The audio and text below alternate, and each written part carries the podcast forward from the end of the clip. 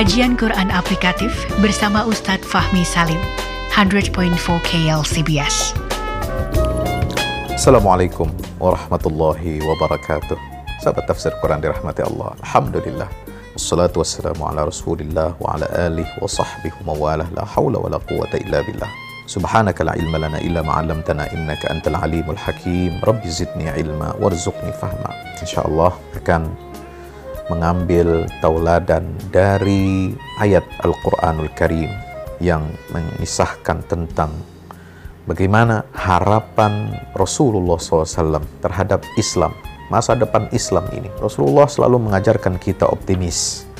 Rasulullah mengajarkan kita untuk apa namanya mengembangkan dakwah Islam ini sampai ke pusat-pusat kekuasaan dunia. Coba bayangkan Rasulullah itu punya cita-cita. Jangan dikira Rasulullah ini tidak punya cita-cita besar untuk dakwah. Bagaimana Rasulullah itu mengirimkan surat kepada raja-raja besar dunia, kaisar-kaisar, imperium-imperium besar dunia, Romawi, Persia, Mesir, kemudian Yaman, Bahrain, subhanallah. Ini semua dilakukan oleh Rasulullah untuk apa? Untuk menyampaikan risalah dakwah dari Allah Subhanahu wa taala. Nah, cita-cita ini pula yang harus dimiliki oleh kaum muslimin. Orang Islam, umat Rasulullah itu jangan berpikiran pendek, berpikiran sempit bahwa kita ini hanya dibatasi oleh geografis kita saja. Dakwah kita hanya dilakukan secara nasional saja, tetapi harus dilakukan juga untuk tingkatan level global karena Islam ini adalah agama yang universal. Harus disampaikan kepada seluruh umat manusia. Sahabat tafsir Quran dirahmati Allah Subhanahu wa taala. Maka dakwah dan menyebar luaskan dakwah ke seluruh penjuru dunia itu adalah keniscayaan. Bahkan Nabi SAW menginginkan dakwah ini menjangkau Romawi dan Persia. Coba kita simak riwayat dari Imam Ibnu Abi Hatim bahwasanya Rasulullah SAW sebagaimana diriwayatkan oleh Qatadah bermohon ya Nabi bermohon berdoa kepada Allah Ta'ala agar menjadikan kerajaan Romawi dan Persia masuk ke dalam kekuasaan umat Rasulullah SAW. Di riwayat yang lain dari Ibnu Abbas dan Anas bin Malik radhiyallahu anhuma dijelaskan bahwa ketika Rasulullah telah berhasil menguasai kota Makkah ya oh, Rasulullah berhasil menguasai kota Makkah dalam Fathu Makkah ini dan menjanjikan kepada umat beliau bahwa kerajaan Romawi dan Persia akan berhasil dikuasai oleh kaum muslimin juga.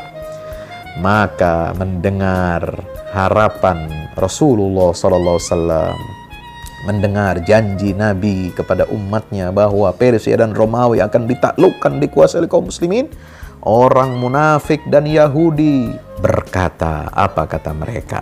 Ah ini penghinaan betul kepada Rasulullah. Jangan sampai kita seperti orang munafik dan Yahudi zaman dulu. Nah kita kalau nggak percaya kepada risalah Islam risalah dakwah ini menjangkau seluruh dunia berarti kita kena penyakitnya munafik dan Yahudi nih. Apa kata orang munafik dan Yahudi zaman dulu?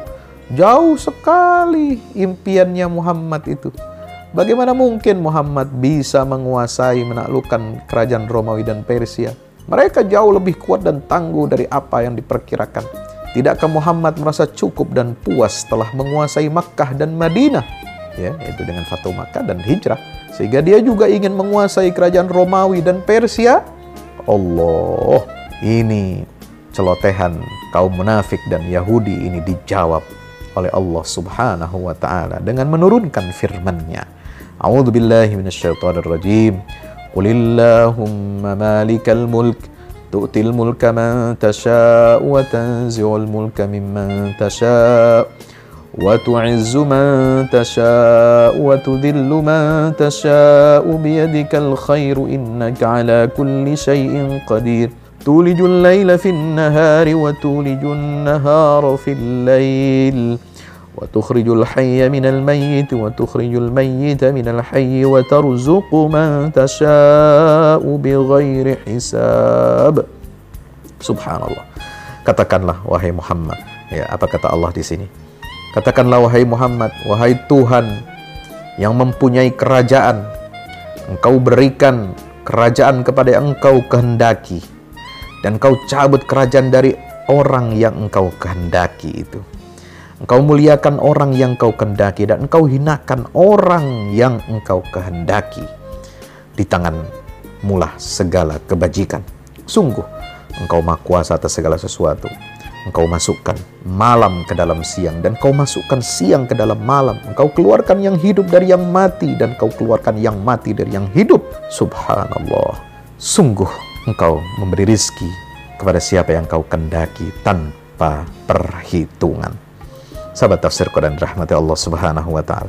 Di ayat ini Allah menyuruh nabi untuk menyatakan bahwa Allah yang maha suci yang mempunyai kekuasaan tertinggi itu dan kebijaksanaan dengan tindakan yang sempurna dalam menyusun, dalam merampungkan segala perkara dan yang menegakkan raca undang-undang di alam semesta ini Dialah Allah yang memberikan urusan pemerintahan kepada siapa yang dikendaki di antara hamba-hambanya. Tidak ada yang mustahil bagi Allah.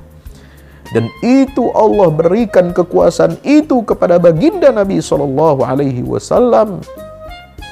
Ya, meskipun tidak terwujud atau belum terwujud di masa beliau, tapi Allah telah menjanjikan ini dan janji Allah itu pasti berlaku bahwasanya kekuasaan itu akan diberikan kepada siapa yang dia kehendaki. Subhanallah.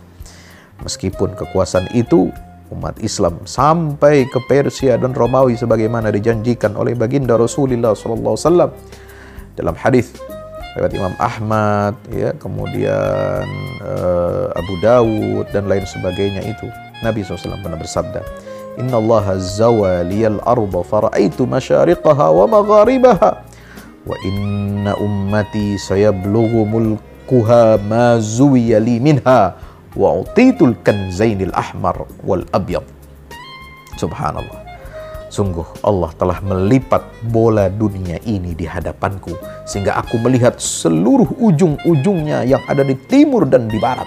Dan sungguh kekuasaan umatku akan menjangkau semua lipatan bola dunia itu.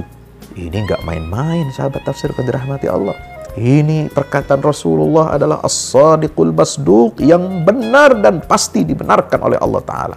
Dan kata Nabi SAW, aku telah diberikan dua perbendaraan istana merah yaitu kerajaan Romawi Timur dan istana putih yaitu kekaisaran Persia. Semua telah ditaklukkan di zaman Khalifah Umar ibnul Khattab radhiyallahu anhu ardahu. Sahabat tafsir Quran rahmati Allah. Belum lagi Nabi SAW menjanjikan kepada umatnya. Ya, ketika ditanya, ya, ini disaksikan oleh sahabat Abdullah bin Amr ibn al-As radhiyallahu anhuma. Apa kata uh, Abdullah bin Amr bin As ya, ketika kami bersama Rasulullah ada seorang kami ber, kami bertanya kepada Rasulullah, "Ya Rasulullah, kota mana yang lebih dahulu ditaklukkan oleh kita kaum muslimin?" Apakah Roma, Vatikan, ataukah Konstantinopel? Subhanallah.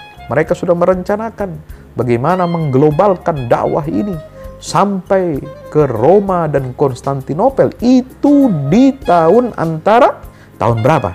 Tahun 630 sampai tahun 642 Masehi. Subhanallah. Jadi 610 eh, maaf ya 610 sampai Rasulullah wafat itu tahun uh, eh, 632 ya Masehi.